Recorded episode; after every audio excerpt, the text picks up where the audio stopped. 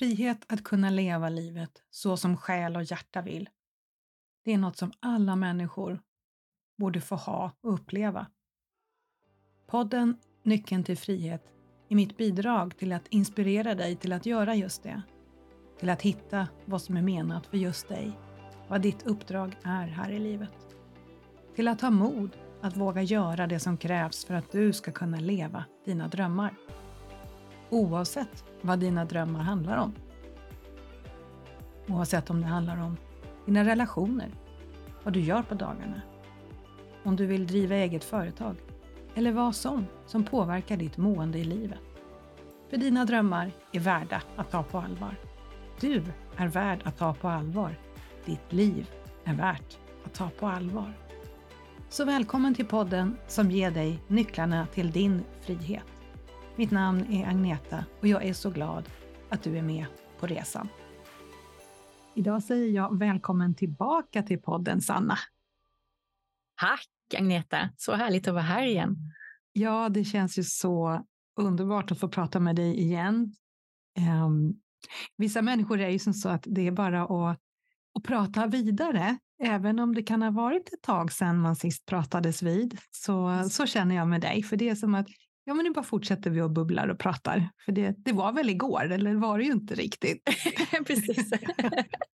men lite så känns det ju. Och det är ja. ganska skönt, när man bara liksom, ja, okej, okay. vi fortsätter. Vi. Ja, för jag kände ju förra gången, och jag tror att vi sa det i det avsnittet också, att vi hade kunnat prata mer och att vi ja. fortsätter snart. Och nu är det dags att fortsätta ja, prata. Mm. Så hur har du det nu? Hur är livet med dig nu? Ja, men alltså vad ska man, vad ska man säga? Alltså det är upp och ner, men jag tycker det är ganska mycket så för många. Eh, det är ganska mycket oroliga energier upplever jag, eh, mm. både hos mig själv och eh, även hos en hel del coachingklienter som jag har och människor man pratar med. Det känns som att det är, liksom, det är mm. oroligt helt enkelt.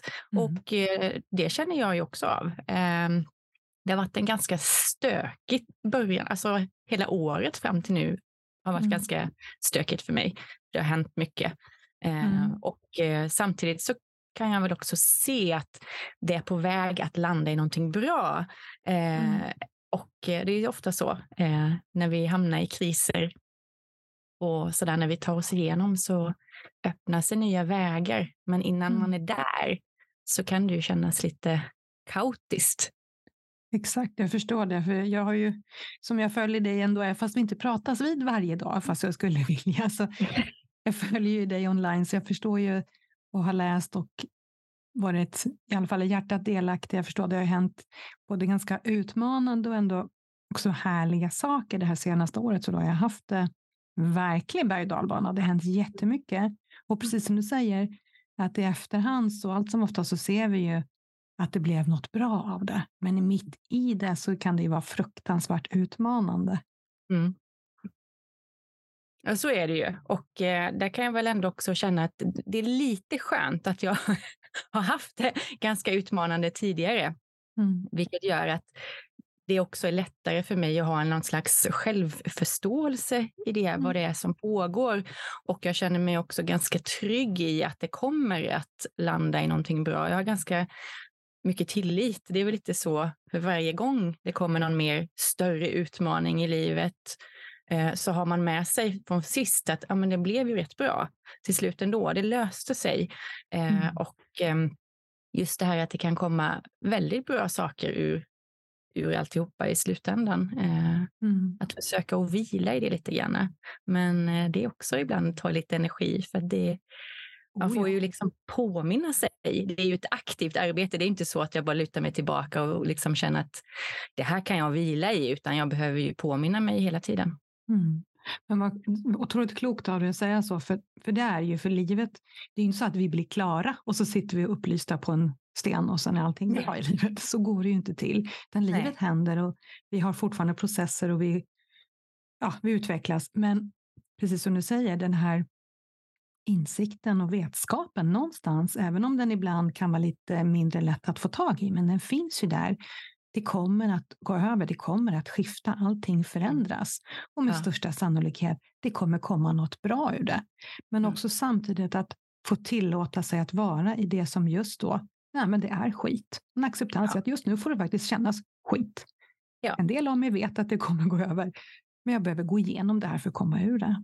Ja, och jag, jag, tänker att det är ju en grej som jag tycker är jätteviktigt i det. Och just det här som ibland blir missuppfattning eftersom jag kallar mig för feel good coach. Så är en del som ja, men allt behöver inte vara positivt hela tiden. Och det är absolut inte det jag menar. Utan för min det som jag tycker är viktigt är att alla känslor behöver få eh, ta plats och vi behöver tillåta oss att känna dem. För om vi ja. inte gör det så mm. trycker vi ju undan dem och eh, det, det liksom, till slut blir det fullt i kroppen och då finns det liksom inget utrymme för nytt. Och det är ju då det där kan bubbla upp när vi minst anar och det kan ta sig liksom i andra former.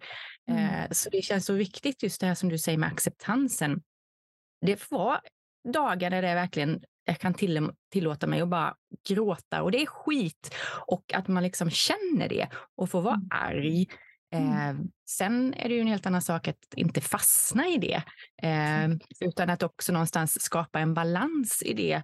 Att det faktiskt också finns mycket som är förbaskat bra samtidigt. Mm. mm. Just, eller kanske inte alltså bra, jo det är det, men just den här att plocka in tacksamheten. Mm. Eh, i det. Liksom. För det finns ju så mycket att vara tacksam för, även när vi har det som mest utmanande. Så är det ju liksom, och det är ju lättare då att tänka tacksamheten som någon klient sa till mig, ah, ja, jag vet att jag borde tänka mer positivt just nu.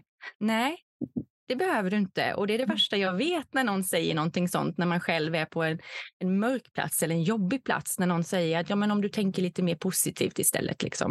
Mm. Det är jättefrustrerande. Mm. Men om vi tänker tacksamhet, mm. vad är jag tacksam för? Eh, mm. och att det liksom inte är samma sak som att det måste vara positivt hela tiden. Nej, det är en helt det, annan sak. Det är mycket lättare. Mm. Du beskriver det så bra. Det första jag tänkte på där när du sa att det blir fullt i kroppen. Mm. Och precis den känslan, och då blir ju också den här explosionen ibland, att jag klarar, klarar inte av det här. Mm. Men också så viktigt att vara medveten om att hitta sitt sätt att processa det här, att läka, så att det inte blir den här bypassen. Precis mm. som det här, tänk positivt.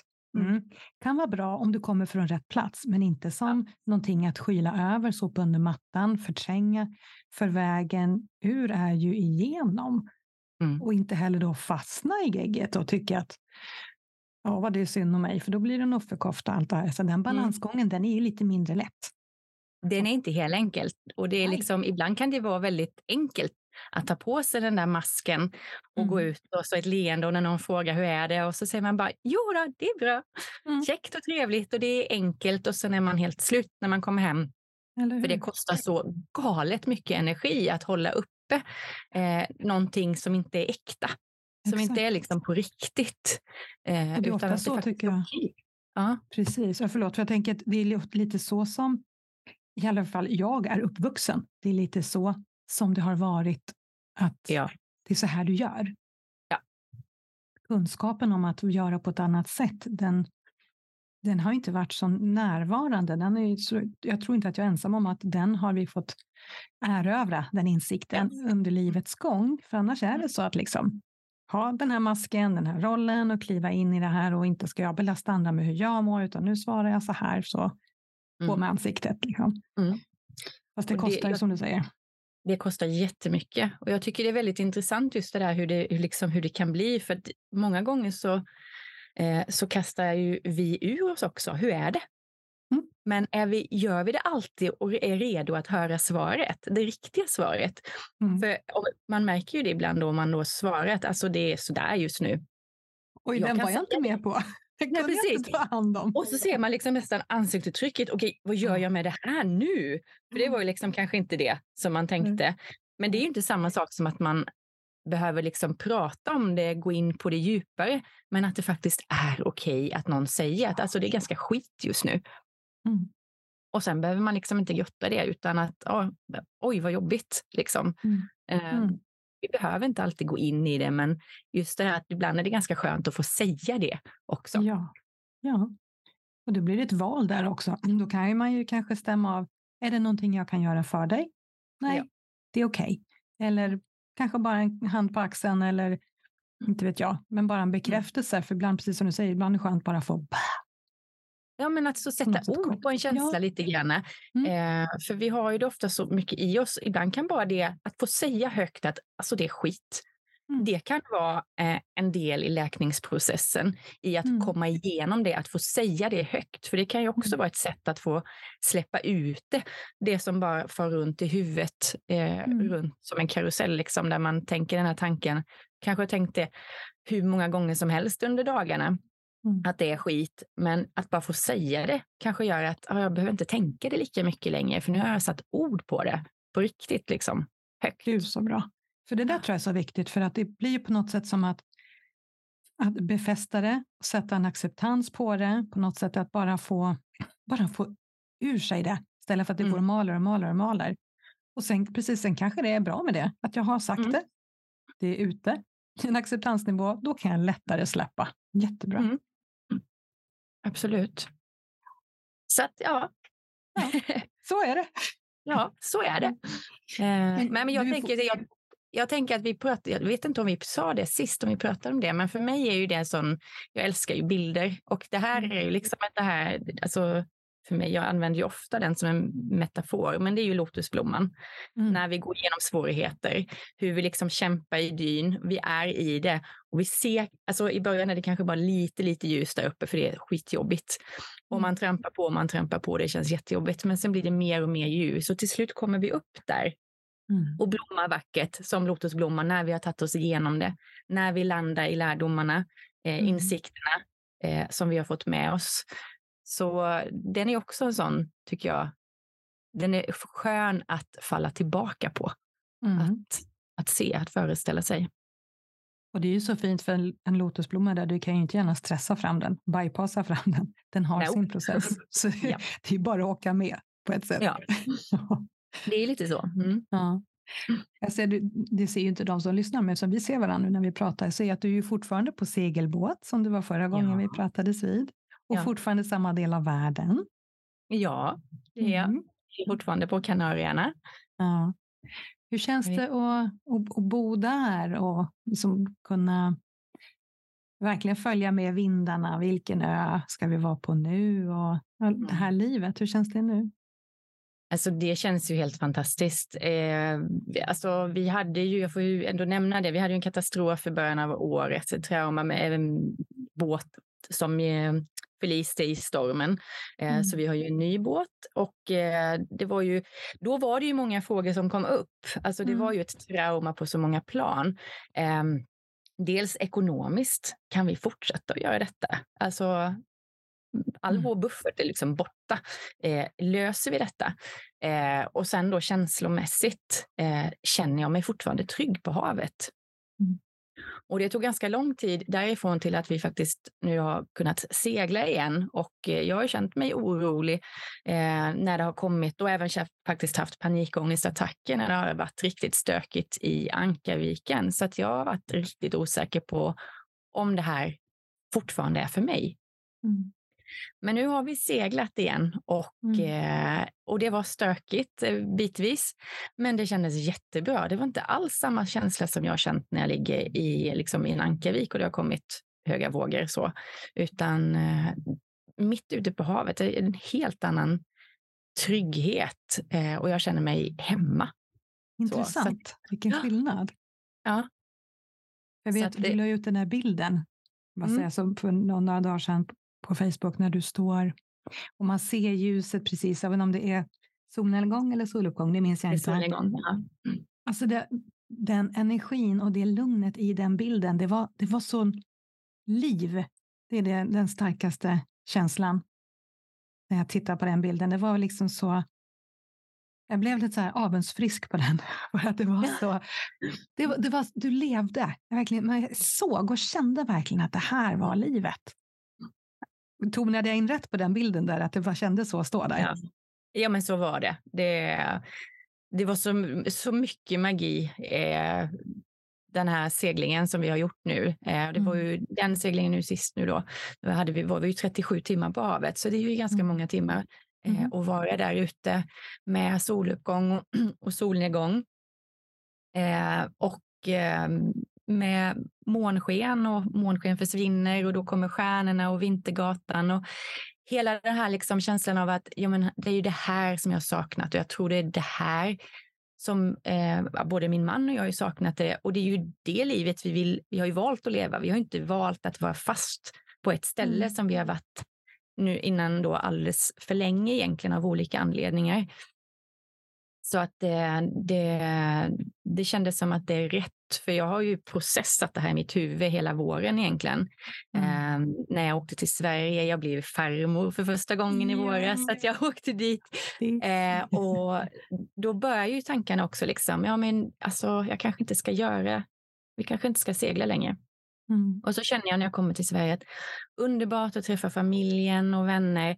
Fast det här vill jag inte. Jag kan inte se mig själv tillbaka i det livet.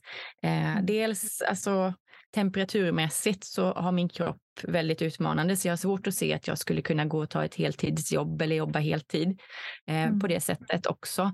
Eh, och alltså, det fungerar korta tider för att jag vet att jag ska tillbaka.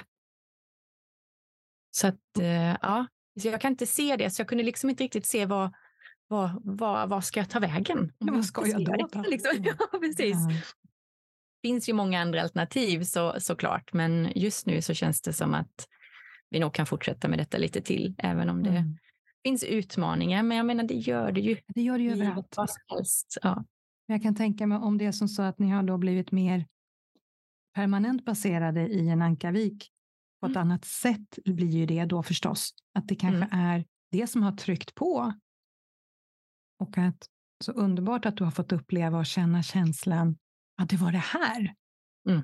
För då kanske inte så konstigt att känslan kommer när det blir nästan men ändå inte. Du är på båten men det är inte riktigt så som var tanken. Och Nej. självklart allt som har hänt, både positivt och negativt, behöver ju få sin tid att processas och läkas ut och att hitta tryggheten igen. Mm. Absolut, och det är ju också en del då i, i det här som då komma ut på havet. Att inte ha någon uppkoppling. Alltså det är klart att man kan stänga av uppkopplingen vilken dag som helst och liksom stänga ner det. Men när man jobbar online eh, som vi gör så blir det ibland svårt. Man känner liksom att man, har, man ska jobba, man har den här tiden. Mm. Men att inte ha möjligheten Mm. Och, alltså, det är så mycket lättare att vila i det då. Att mm. Det spelar ingen roll vad som händer, jag kan inte göra någonting åt det ändå. Alltså, Nej, världen stannar liksom inte. Ja, julen slu alltså, det slutar inte att snurra bara för att jag eh, går offline i ett par dagar. Liksom. Mm. Eh, eller en vecka hade vi också. Vi låg i en mm. ankarvik där det inte är uppkoppling och vi älskar det stället just därför.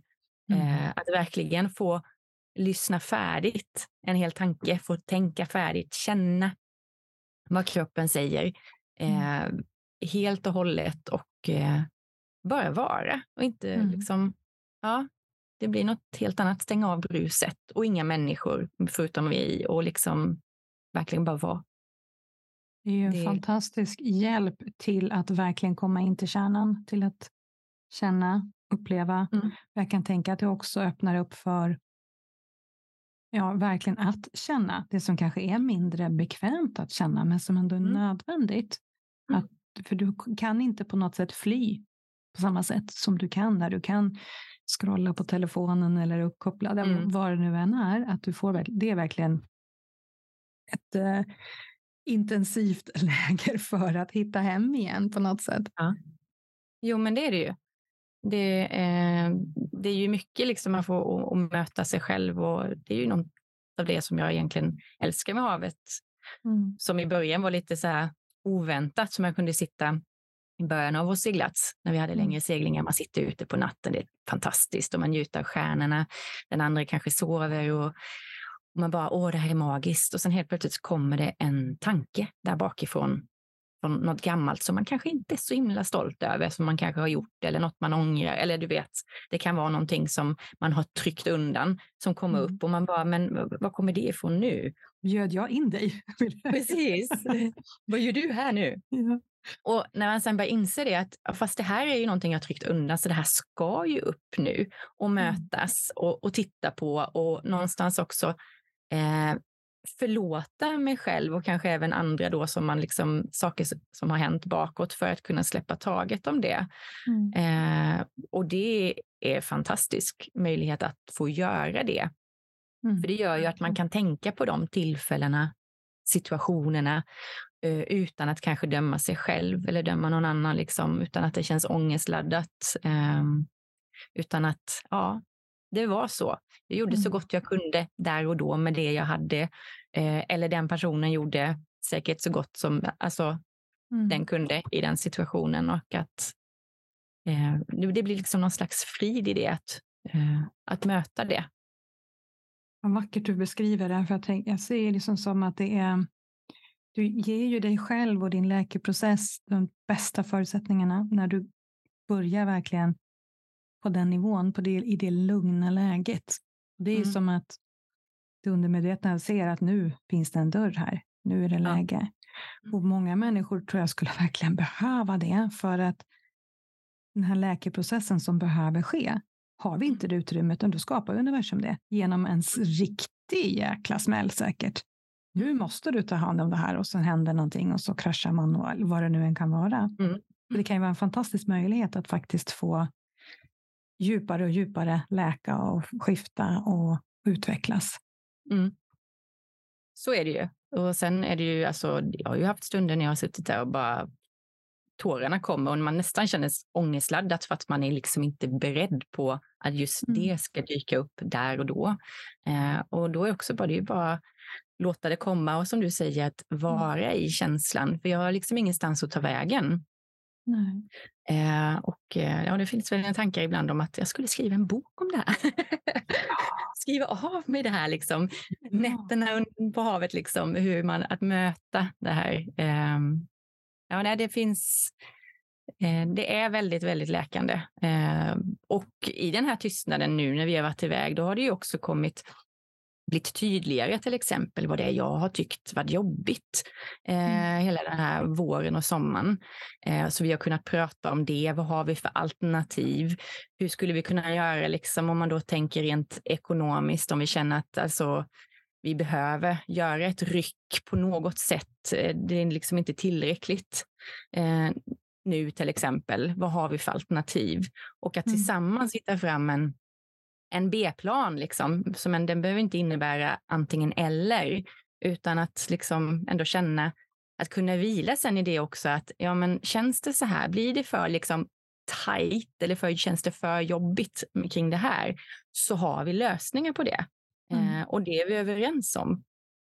Eh, och det är också väldigt skönt. Mm. Mm.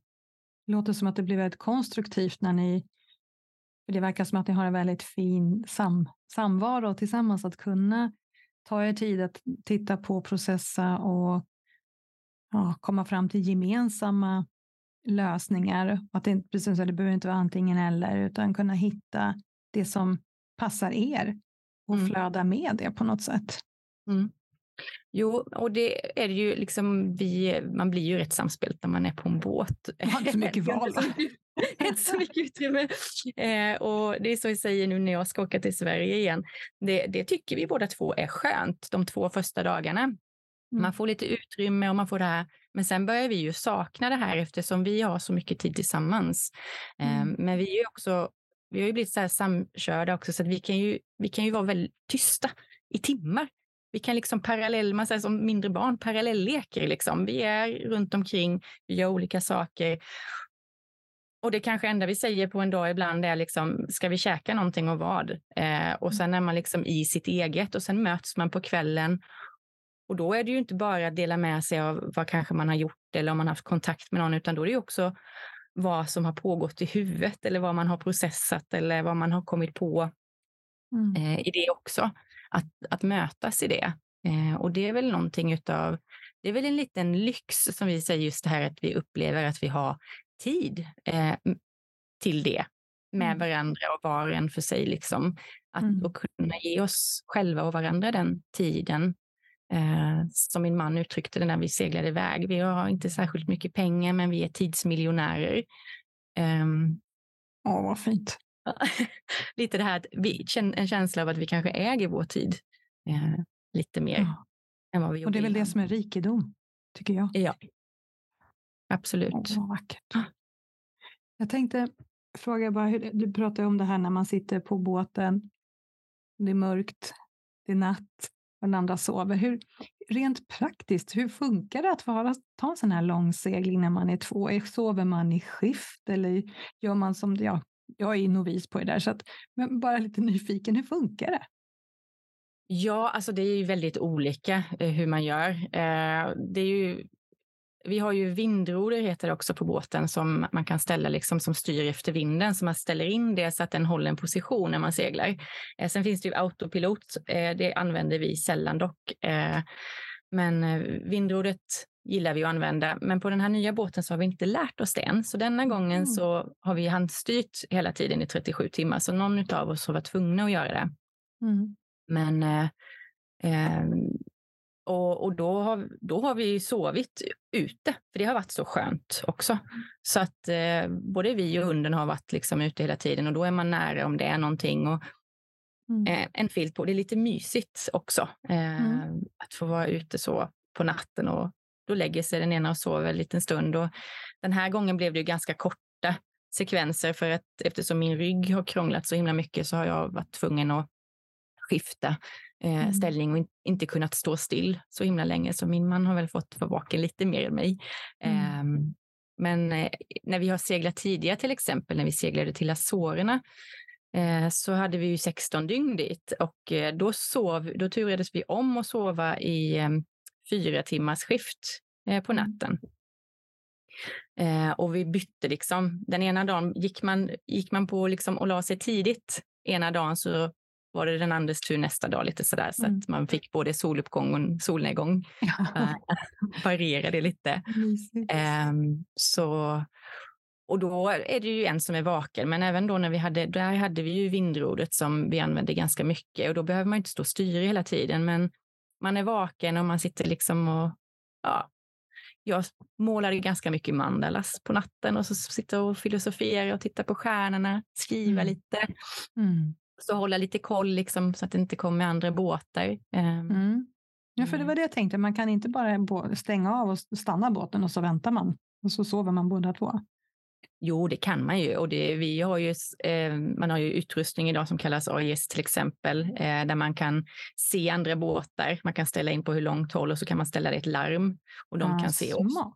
Men det är också så att alla båtar har inte det. Eh, mm. Så då är det ändå lite sådär. Och då föll det lite. ja, men på, på, natten så kan man ju se ett ljus. Är man mitt ute på havet så ser man ju ett ljus på väldigt långt håll. Så det är inte mm. det att det bara plötsligt dyker upp någonting bredvid båten. Även fartyg precis framför. För. precis.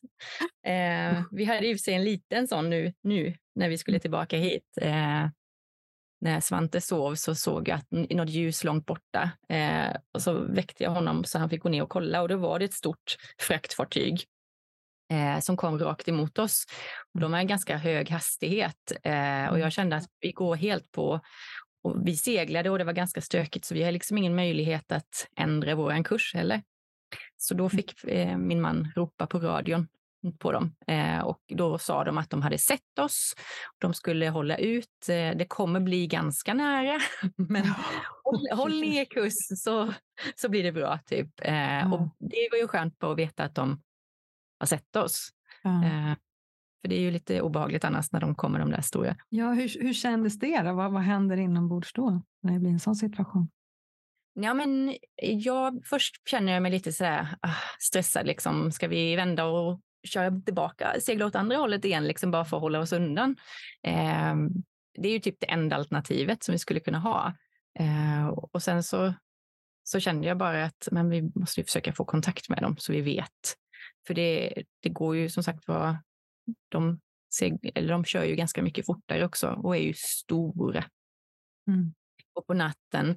Och vi har ju hört historier om att de, många sådana här stora fartyg nu har ju börjat med sådana här, de har, kör ju autopilot och sånt där, så det är inte alltid att de är vakna ombord. Eh, men de ska ju ha larm då som ska gå igång. Ja, precis. Mm. Mm. Mm. Så att, eh, men ja. Men det, gick. det är lite det här möta situationen hela tiden. Det går ju liksom inte att oroa sig för, för det innan, utan när saker och ting händer så är var, varje situation unik och då är man mm. liksom, då är man är verkligen närvarande 110 procent och det är liksom okej, okay, nu händer detta. Nu det, har vi detta framför oss. Hur löser vi detta? Vad har vi för alternativ liksom? Mm. Eh, och, och, så är det ju liksom hela tiden. Eh, och det är också en grej som jag tycker är väldigt skönt. Just det här med att du kan, alltså visst, när det är superbra och bra förutsättningar så går det ju att liksom föra iväg i tanken och bakåt och framåt och hit och dit. Men det handlar ju mycket om närvaro hela tiden. Mm. När någonting händer, jag kan inte springa ner och slänga mig i sängen och dra täcket över huvudet och hoppas att det ska vara över imorgon. Liksom, utan inte så konstruktivt. och det är ju lite så jag tycker man kan applicera det på vanliga livet också. För det är ju sällan mm. egentligen att det är en lösning på någonting, utan lite grann, okej, okay, så här är det. Det här är förutsättningarna jag har framför mm. mig. Mm. Så vad kan jag göra? Istället för att fokusera liksom på att oroa sig för vad som kan hända och så vidare. Ehm, jag är jätteduktig på att ramla in i oroande tankar. Men jag har också lärt mig med åren att hela tiden plocka tillbaka när jag märker att det händer. Tillbaka, mm. okej, okay. så vad kan jag göra nu? Så bra. Verkligen precis som du säger, att man kan applicera det på livet i stort. För jag tänker att visst kan man hålla på och oroa sig för allt som kan hända, men gud så kostsamt. Energimässigt, glädjemässigt, livsglädje, allt. Om jag ska hålla mm. på och oroa mig hela tiden. Tänk om det kommer ett fartyg där eller det händer det. Eller... Men man kan ju måla upp hur mycket som helst som man kan mm. gå under av och bli helt mm. knäckt av. Så det mm. är ju en konst, en förmåga att kunna släppa det. Och sen har du din kraft och ditt fokus och din energi när det väl händer någonting. Och då blir du lösningsorienterad och mm. fixar det. Som i livet i stort egentligen. Vi går ju ja. många, säkert fler än jag, oroar sig ibland för saker och ting som inte ens kommer att hända. Nej. De flesta grejerna gör ju inte det, liksom, utan sånt vi oroas för. Eh, sen är ju oro, alltså det, det, är ju liksom, oro är ju en, den har ju en funktion för oss och det är ju för att vi ska mm. förbereda oss eh, ibland så också, men ofta så oroar vi oss för mycket. Mm. Eh, så är det ju bara och i onödan. Vi lägger väldigt mycket tid, eh, mm. kraft och energi på, på oro. Ehm, och eh, ja, nej, det tycker jag är det är skönt och det är en sån grej som har vuxit väldigt mycket med mig. För varje grej som vi har gått igenom, som har, eller jag har gått igenom, som har varit svårt och utmanande, som det som händer nu då med, med den andra båten. Och liksom, man, man reagerar ju så här, det går ju mm. snabbt. Eh, det hinner man ju liksom inte alltid liksom vara med på i huvudet, utan det kan ju liksom, man reagerar liksom och känner bara, men gud, hur löser vi det här ekonomiskt nu? Hur är det ens möjligt att lösa det här? Hur ska detta gå till? Mm sen liksom, när man då märker att det här får mig att må ganska dåligt. Nu skenar mina tankar. Eh, och då tillbaka, okej, okay, andas, ta lite djupa andetag, tillbaka och så tittar vi, okej, okay, nu är det så här, så vad kan vi göra? Och ta liksom verkligen en sak i taget. Mm. Inte liksom se det här stora berget som är så lätt att se när det är någonting stort som händer. Mm då blir det ju bara ett jättestort högt berg, utan verkligen börja, okej, okay, jag är här nere nu, vad är första steget som jag kan göra? Eh, och när man har gjort det så blir det också tydligare, vad är nästa steg? Eh, och då blir det ju mer hanterbart, Absolut. även i krissituationer. Ja, istället för att gå till fullskalig panik, precis när du säger om du ser hela berget. Mm. Så himla bra att kunna då ta, okej, okay, men första, nästa steg, en sak i taget. Men mm. det är en stor träning kan jag tänka mig. Och jag tänker att alla de här åren som du nu har levt så här på båten, mm. om du tittar tillbaks på den du var när du klev på första gången och den du är idag, finns det någon skillnad? Det finns en ganska stor skillnad. Eh, vi, nu, det är lite roligt också nu när du säger det, för nu i oktober så är det faktiskt eh, det är sju år sedan Eh, vi ställa oss, det är helt galet. Eh, sju år. Jag minns att vi träffade någon som hade varit ute i två år i Holland. En mm. man som skulle segla hem sin båt och eh, vi pratade med honom och vi sa då liksom att wow, tänk när vi har varit ute i två år. Oh. Eh, och så nu liksom sju. Eh, men det är klart det har hänt jättemycket. Dels är jag ju mycket tryggare med att ja, både tryggare med havet, förutom det här sista då som har varit. Um, men eh, alltså jag är ju trygg med havet, men jag har en enorm respekt och det ska man ju ha. Eh, och jag tycker ju det är väldigt fint som eh, det finns ju en, eh, en film som de har gjort eh, baserad på verkliga händelser om den yngsta tjejen som seglade eh, jorden runt, en australiensk mm. tjej. Nu mm. kommer jag inte ihåg vad den heter bara för det. Men eh, i alla fall, eh, den mannen som hon har som lär upp henne att ska segla och sådär. Han säger så här att havet vill oss inget illa, men ibland råkar vi vara i vägen. Mm. Och det är en mm. sån här, jag tycker det är så himla vackert och det är lite den känslan jag har med det som hände. Liksom. Eh, alltså vi råkade vara i vägen. Det var liksom inte havets avsikt att eh, vara så, eh, gå så hårt fram eh, åt oss där och då. Nej. Och det, jag tycker det är ett fint sätt att, att tänka så. så att det, och det är nog den stora grejen. Eh, jag oroade mig väldigt mycket i början. Mm. Eh, jag minns de här, eftersom vi gav oss iväg oktober så var det väldigt kallt. Mm. Och det var många nätter eh, jag vaknade varje timmen som man gör ofta när det är någonting så och man börjar tänka och oroa mm. sig. Och jag kunde liksom bara, men gud vad har vi gjort? Mm. Pengar, barnen, mm. liksom, nu går det bara pengar ut, det kommer inga pengar in liksom, när man har jobbat innan. Och, um, och idag så är vi mer liksom, okej, okay, vi löser det på något sätt. I mm. värsta fall så får jag ta ett jobb eh, och liksom jobba vanligt igen under en tid eller någonting. Det är mitt värsta scenario när det gäller ekonomi. och jag tänker att då, då går det liksom, men att hela tiden jag har ganska mycket en B-plan eller, och ibland mm. även en C-plan eh, mm. i mycket. Och det är ju lite för att det är så vi har gjort när vi har seglat.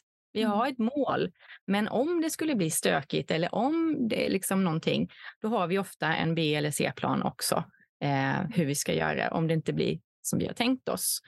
Mm. Eh, så det är nog de stora, alltså tankesättet. Mm. Eh, mm. Hur liksom all tid på havet och saker som har hänt som ändå vi har löst, hur det, har, det bygger någon slags, eh, vad ska man säga, ja, självkänsla, självförtroende i att, eh, att man, man löser saker. Det låter som en stor trygghet att kunna landa ja. i på något sätt den här inre tyngden. Att, för att skaffa sig en plan B eller C, det är ju lugnande på något sätt för nervsystemet och för tankarna. Och att sen kunna att det inte blir på den här, det här tjatet i huvudet, man räntar saker och och mm. tänka om, tänka om. Okej, okay, men jag har gjort mina planer och lättare att släppa. Och då kan du vara ja. mer i nuet, mm. närvarande mm. och njuta. Och sen sitta där och titta på stjärnorna och göra det som då kommer mer ja. på, på ett annat sätt till dig kan jag tänka mig. Mm. Och det är ju också en, liksom en lärdom i hela seglingslivet och de här åren, eh, skulle jag säga just lite det du säger, det här att att njuta. Alltså vi har ju blivit väldigt duktiga på att njuta när saker och ting är lugnt, för vi vet att det kommer inte vara så här hela tiden. Eh, så bara för att det är lugnt så eh, försöker vi alltid liksom att verkligen, nu tar vi det verkligen lugnt. Inte nu ska mm. vi passa på ut och göra detta och detta, utan vi tar det lugnt och finns det sen utrymme att det fortsätter att vara lugnt länge, då kan vi börja och liksom nu kan vi passa på att göra detta och detta som man kanske har tänkt som inte akuta saker. Då gör vi det. För vi vet att rätt som det är så kommer någonting. Eh, och det blir liksom stökigt eller om det nu är båtmässigt, vädermässigt eller livsmässigt annat. Liksom. Eh, för så här har det varit liksom hela tiden. Eh, mm. Allt går ju verkligen i vågor. Hur ja. kul att säga det? men, men det är ju verkligen så. Eh, och det är väl de här motsatserna som gör att man någonstans uppskattar när det mm. är bra. Alltså jag tror att vi behöver de här motsatserna. För jag menar, skulle mm. det vara bra hela tiden så skulle vi ju inte uppskatta det på samma sätt. Nej. Då skulle det bli mycket lättare att ta det för givet. Um, och det är ju bara en seglats som vi gjorde nu på 37 timmar visar ju detta det är liksom mm. jättemycket. När det är lugnt och man kan sitta där och njuta och bara åh vad det här är härligt. Det är lite lagom skvalpande och det kommer några valar och där borta är delfiner och man njuter. Och sen tre timmar senare så är det skitstökigt och det är liksom livlinor på, vi måste sitta fast och det är liksom eh, vågor och från alla håll och kanter och mycket vind. Och det händer grejer som man liksom måste liksom fokusera på. Mm. Och sen kan det vara fyra timmar senare så är det lugnt igen. Mm. Så att, och det gör ju att man hela tiden lär sig att när det är lugnt, då passar vi på att vila eller vi njuter, vi gör saker för att återhämta oss, för vi vet inte vad som väntar. Och det skulle ju alla behöva tänka eller göra mer så. Mm. Um, men i det vanliga livet, i liksom ekorrhjulslivet eller vad man ska säga, eller även överhuvudtaget eh, i människobyn. Så säger I människobyn lite mindre lätt Mm. Ja, så är det lite, alltså det blir, jag tror inte kontrasterna alltid kanske är lika stora. Det är lätt att hamna i det här att saker och ting rullar på. Det är okej. Okay. Det är det mm. här liksom gråzonen. Det är varken skitbra eller jättekass. Liksom. Det är okej. Okay. Mm. I den där gråa härvan så liksom var man runt och är, för det är liksom okej. Okay. Eh, mm. men ändå så kan det ju kännas då ibland kanske som att det är något som saknas. Eh, mm. Och att då kanske ja, jag vet inte, men att stanna upp lite grann, att faktiskt njuta och att ge sig själv kanske lite pikare, liksom att ja, men det är okej. Men vad skulle jag kunna göra nu för att det skulle bli riktigt bra så att jag verkligen kan njuta ett tag? För är mm. man i den här gråa hela tiden det känns okej, okay, men du fyller inte på dig med så där himla mycket energi, utan du bara harvar på i samma spår. Händer det någonting sen då? Då har du liksom inte så mycket att ge. Du, det liksom finns inte så mycket, du har inte fyllt på dig. Så det kan mm. bli så mycket större, så mycket svårare att ta sig igenom det eh, när någonting sen händer. Åh, vad klokt. Vilken livskunskap. Det där är så fint som du förklarar det. Och det tror jag är väldigt viktigt att om vi går runt och tycker att det är grått, överlever jag eller lever jag? För att mm. vi faktiskt kan Även om nu inte alla har förmånen att sitta på en segelbåt och titta på stjärnorna och njuta av livet på det sättet, de här kontrasterna, för det är ju, det är ju inte alla förunnat och kanske inte passar alla heller. Men att göra det som jag har inom räckhåll, det, det som är i min verktygslåda för att hitta mm. mina glädjeämnen, hur jag fyller på. Och sen behöver man ju inte söka den andra ytterligheten, allt det som utmanar, men för det kommer ju livet med i alla fall. Ja, visst, det behöver man inte söka. Nej, för det kommer ju, men också att våga leva även i det. Att vara mm. faktiskt fullt närvarande, för det är ju ett knep för att det fortare faktiskt ska passera. Det är att när du vågar möta och inte bara köra huvudet ja. i sanden.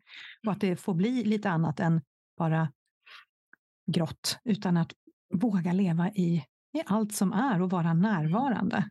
Det känns som ni är livskonstnärer på det. Jo, men det har vi nog blivit. Och det är väl en sån grej som jag jobbar ganska mycket med i, just i coachingen också, just det här att, eh, att hjälpa andra att hitta där de är. Mm. Eh, de här både guldkornen, men att också jobba på eh, att göra saker kontinuerligt som fyller på en själv, att ta reda på det. Ganska många vet inte vad det är. Eh, mm. För man kanske har som kvinna till exempel är det väldigt vanligt att man lever väldigt mycket för andra. Eh, man gör saker för andra och hela tiden vill tillgodose och hjälpa andra och finns där för andra och tappar bort sig själv helt och har ingen aning om vad mår, bra, mår jag bra utav? Mm. Vad är det som fyller på mig? Liksom?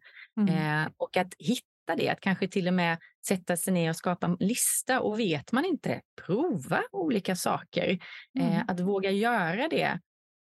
Likadant att se över det här. För det som jag tyckte fyllde på mig, för fem år sedan kanske inte alls är samma sak som idag. Eh, att liksom hela tiden eh, omvärdera lite grann. Att ta mm. de här reflektionsstunderna med sig själv ibland och känna efter. Liksom. För vi förändras. Mm. Precis som det vill säga att allt förändras och det gör ju vi också. Mm. Så att hela tiden liksom stämma av med sig själv tycker jag är väldigt viktigt. Liksom, vad är jag nu? Vad vill jag? Vad mår jag bra utav och vad mår jag mm. inte bra utav? Mm. Eh, perfekt tillfälle att göra det tycker jag är födelsedagar. mm. Då har man liksom det. Varje födelsedag så, så stämmer jag med mig själv. Är jag där jag vill? Eh, gör jag det jag vill? Eller har det bara liksom fortsatt för att jag gör det på rutin. Liksom. Mm. Ja, så har jag alltid, jag har alltid velat detta. Eh, mm. Men det kanske jag inte alls vill längre. Nej. Då är det okej, liksom. då är det ju dumt att fortsätta. Liksom. Ja. Ja, man bara blir medveten. Det är ju superviktigt att göra det. Att checka in. De här frågorna behöver inte vara så många, men de, kan vara, de kanske kan vara lite mindre lätt att möta, för det kan ju hända att du behöver göra förändringar också. Att du behöver ja. göra någonting. Men det är ju allt som oftast värt det. För du får mm. en helt annan kvalitet på ditt liv när du vågar vara närvarande och medveten. Absolut, absolut. Och det är ju det låter ju så klyschigt när man säger det, men det är ju så. Det är, liksom, det är ju bara här och nu som vi kan påverka.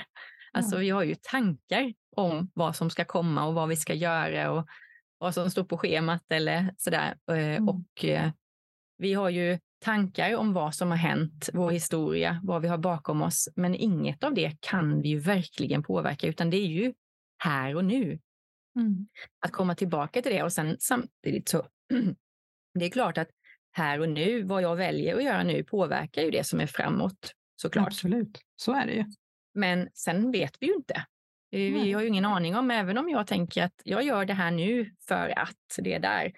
Sen kan det ju hinna hända väldigt mycket däremellan eh, ja. som man inte har förutsett. Liksom. Ja, precis. Och jag tänker också på det som du sa, det som har hänt. Det kan, vi kan ju inte förändra fakta hur det har varit, men det du kan förändra när du vågar titta på det, det är ditt förhållningssätt till ja. det som har hänt, dina känslor och tankar runt det som har hänt, för att du ska få en bättre nutid. Och mm. precis som du säger, för det du gör nu påverkar ju sen, mm. även om vi inte vet hur sen blir, så kan vi göra det bästa vi kan i stunden för att ja. rikta in oss på det som faktiskt gynnar oss och som är för vårt högsta bästa. Mm. Ja, och när du säger så nu så tänker jag också, det är också en grej tror jag som har förändrats väldigt mycket sedan vi åkte till nu för mig. Och det är flexibilitet. Jag har varit mm. ganska mycket kontrollmänniska tidigare. Och det funkar inte riktigt. Alltså man kan inte kontrollera havet och inte vädret. Och det är väldigt mycket liksom att eh, även om man har tänkt att nu ska vi vara här så här många dagar eh, som mm. vi tänkte. Vi tänkte att vi skulle segla tillbaka hit från La Gomera, eh, börja på måndagen. Eh, mm.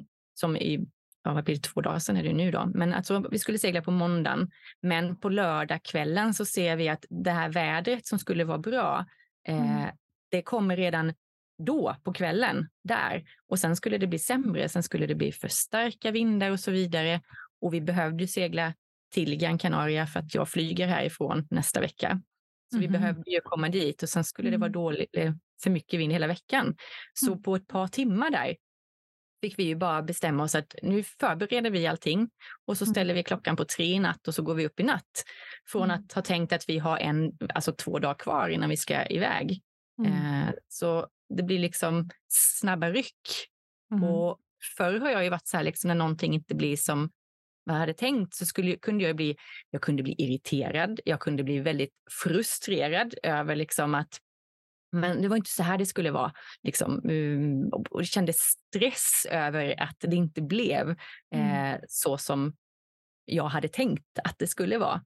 Mm. Eh, Medan idag är jag verkligen så här, ah, okej, okay, eh, nu blev det så här och eh, då gör vi så.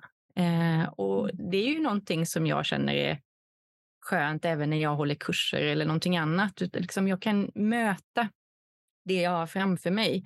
Eh, mm. Även om jag har gjort ett schema på en kurs. Liksom. Eh, men är det saker som dyker upp eller någonting annat så kan jag lätt skifta fokus och vara flexibel. Jag behöver liksom mm. inte, det behöver inte vara hugget i sten. Om det gör så Vilken att, trygghet. Liksom, oh. Det är jätteskönt. Ja, verkligen. Eh, för jag blir aldrig så besviken heller. Liksom. Sen Nej. finns det ju de som kan tycka det är svårt och det är ju sådana som då kanske är som jag var innan som tycker att det är mm. jobbigt att det liksom blir flexibelt. De flesta mm. brukar uppskatta det, men mm. det är klart för att vi är olika. Men jag tycker flexibilitet för mig är en superkraft jämfört med hur jag har varit innan då med ganska stort kontrollbehov. Liksom. Så vilken resa du har gjort. Det är helt ja. fantastiskt. Och det är ju så mycket skönare att leva då, när du har ja. kunnat förändra det. Jag förstår det här med vädret. Det går inte gärna att skicka en reklamation till SMH eller vad man nu använder för väderstation. Det här stämmer inte med vår planering. Vi måste skjuta på det där. Långnäsa säger vädret, det skiter vi Lite så. Ja, lite så. Det är som vi säger, bara, nu har inte vädret kollat på väderprognosen igen, för nu stämmer det inte alls. Liksom. Ja, det är så irriterande Men... när det blir så. Men ni reder ja. det, ni läser det. Och det är ju kraftfullt i det. Det är ju så. Så det är ju, mm. jag skulle säga att naturen, det här livet har gett otroligt mycket lärdomar som mm. hjälper mig eh, på så många plan. Inte mm. bara i liksom att leva det här livet utan liksom rent livsmässigt, livsfilosofmässigt kanske. Mm. Eh, det blir så många djup i det. Ja, men precis. Så det är ju där jag försöker hitta nu. Hur kan jag förmedla min kunskap och eh, kanske hjälpa andra i att hitta liknande även om man inte seglar till exempel. Mm. Och mm. Att ändå få ta del av det, för det är så mycket jag känner att gud, tänk om jag hade liksom haft den här kunskapen, lärdomarna tidigare och mycket mm. som skulle kunna varit annorlunda. Eh, mm. Framförallt tänker jag på utbrändhet, för det har jag liksom också, men det är ju en del i min process också, men jag tänker också ja. att det finns ju mycket man kan, man kan göra för att det liksom inte ska bli, ja, för att det ska bli underlätta eh, mm. att ta sig vidare, tänker jag. Ja, precis. Jag tänker bara så att du inte blir hård mot dig själv där, för att tänk om jag hade om och... Ja. För, för vi, har ju, vi har ju våra resor av en orsak. Men det är fantastiska redskap och nycklar och verktyg som du nu kan guida andra till. Det är ju mm. guld i det som en gång kanske var mer skit. Det blir ju så. Ja, men precis. Det är ju verkligen mm. någonting fantastiskt där. Ja, ja härligt. Och ja. apropå båt, jag är ju så nyfiken på hur den nya fyrtassade kaptenen mår och har det. Ja, det lilla eh, yrvädret. Eh, ja. Men han har det bra. Eh, han var, vi var, jag var lite förvånad, han var väldigt still nu när vi seglade. Han har ju inte seglat innan, utan det här var ju de första när vi seglade till La Gomera och sen nu tillbaka då som han verkligen mm. har seglat. Eh, men han har ju bott på båten sen, så han vet ju inget annat än det här mm. livet så och att detta är hemma. Men mm. jag trodde det skulle bli svårt eftersom han är ju ett år så han har ju väldigt mycket energi. Mm. Eh, men eh, ja, nej, men det gick jättebra, över mm. förväntan. Mm. Igår var ju första dagen här, hela dagen. Då hade han väl kanske lite överskottsenergi och det är ju rätt naturligt när han har varit... Det kanske han får ha då. Ja, han var jättestill och han låg liksom... Ja, nej, han rörde sig inte mycket när det var stökigt och det är skönt för mm. även om han sitter fast liksom så eh, är det vågigt och båten lutar så man har lite annat att fokusera på också då så det är jätteskönt att han är försiktig. Kan det inte vara så att han känner också på er att nu kanske det inte är riktigt läge att mm. sprida runt här, utan nu är det, nu går vi in i det här modet, nu kör vi. Ja, det och så vet han att nu har ni landat. Okej, okay, nu kan mm. jag sprattla Precis. loss. Ja, mm. och sen är det ju en sån otrolig fördel med honom. Eh, han, I och med att han har blivit rumsren ombord på båten. Mm. Och med det sagt då så är han ju liksom jämfört med annat så kanske man inte tänker att ja, men det är ju knappt rumsrent, fast det är det. Han har en gräsmatta på, uppe på däck som han får gå på eh, mm. i plastgräs och den kan vi liksom, den kan vi hälla i och skölja och sådär. Eh, mm. Så så kommer han inte in på ett tag så har han ju den och det, där är han, han är jätteduktig med det. Mm. Eh, och det gör ju också att då tänker man kanske om han är en hund, han behöver motion. Ja, och han simmar. Han simmar jättemycket. Så det kan ju vara så liksom att vi kan ju ligga ute i Nankavik och det på ett ställe som är magiskt vackert att titta på, men man kanske inte kan gå i land. Mm. Då simmar han. Eh, då är hans motion att simma och sen kan han göra sina behov på båten. Eh, och han simmar mycket och han är helt slut när han gör det efteråt. Så mm. sover han så gott. Han har sina rutiner. Han ska bli torkad av en handduk. Han kommer med handduken när vi kommer upp. Och den ska man torka honom med och sen stensomnar han, gärna mm. nära någon av oss då liksom. Eh, mm. Så vi på något ställe så paddlade vi in på vår paddleboard alla tre. Så vi liksom paddlade in i land och så gick vi lite grann, kanske bara var en stenstrand, så det var inte så mycket ut, yta liksom där att röra sig på. Och mm. sen simmar vi tillsammans ut. Eh, mm. Och då mm. tänkte vi att då, då kan vi ta upp honom på brädan om det verkar vara jobbigt för honom. Mm. Så det gjorde vi vid något tillfälle. Men då började han att skälla när vi simmar framför, för han vill också. Och han hoppar inte i vattnet. Simma. Ja, men, och han hoppar inte i själv och det tycker vi är mm, jätteskönt. Är mm. Så då får vi lyfta i honom igen och då simmar han, alltså det är ju, var ju minst 200 meter. Eh, så det är riktigt bra. Och då, är det ju en, då var det ändå motströms och det är saltvatten. Alltså så, det är havet, ja. det är inte en simbassäng som är Nej. stilla och lugn. Liksom. Eh, så han, eh, han är ju verkligen, vad ska man säga, havsanpassad. Mm. det här livet. så.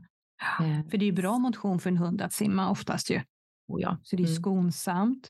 Och mm. klarar han det, ja då har han byggt upp både muskler och flås. Så ja. då, då har han ju fått sin del där. Och han är med så, er. Ja. Det är väl underbart. Det är väl, det är väl egentligen den största nackdelen med honom. Det är att han har varit så mycket med oss så vi, har, vi kan ju inte riktigt lämna honom. Mm. Okay. Eh, det har varit svårt att träna liksom, eh, mm. att lämna honom. Um, för ja, dels så, så var det ju så mycket i början av året med allt annat som hände och då, då blev det inte heller tillfälle. Eh, utan man hade honom nära hela tiden. Mm. Mm. Och ibland blir det för ett eget behov också. Eh, för det är skönt med våra djur och de mm. ger oss lugn också.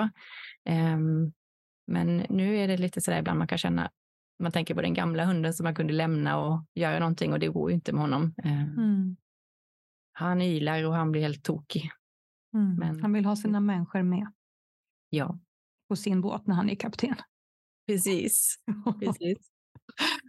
Åh, ja. härligt. Vad mysigt att få checka in hos dig och båten och livet. Mm. Jättefint mm. att få pratas vid och du som alltid så mycket klokskap i dig. Tack Agneta. Det är så härligt att prata med dig också. Det är som vanligt. Det vill inte att det ska sluta. Nej, vi bubblar på. Då får ja. vi säga att vi, vi pratas vid snart igen. Mm. On eller off podd, det får vi se. Det får vi se. ja. Då säger jag tack så jättemycket för idag. Tack. Tack för att du har lyssnat. Jag hoppas att du har fått med dig inspiration för din resa framåt till att leva ditt liv med inre frid och yttre fred på ditt sätt. Tror du att även andra kan ha nytta av att lyssna? Dela gärna avsnittet. Vi hörs snart igen.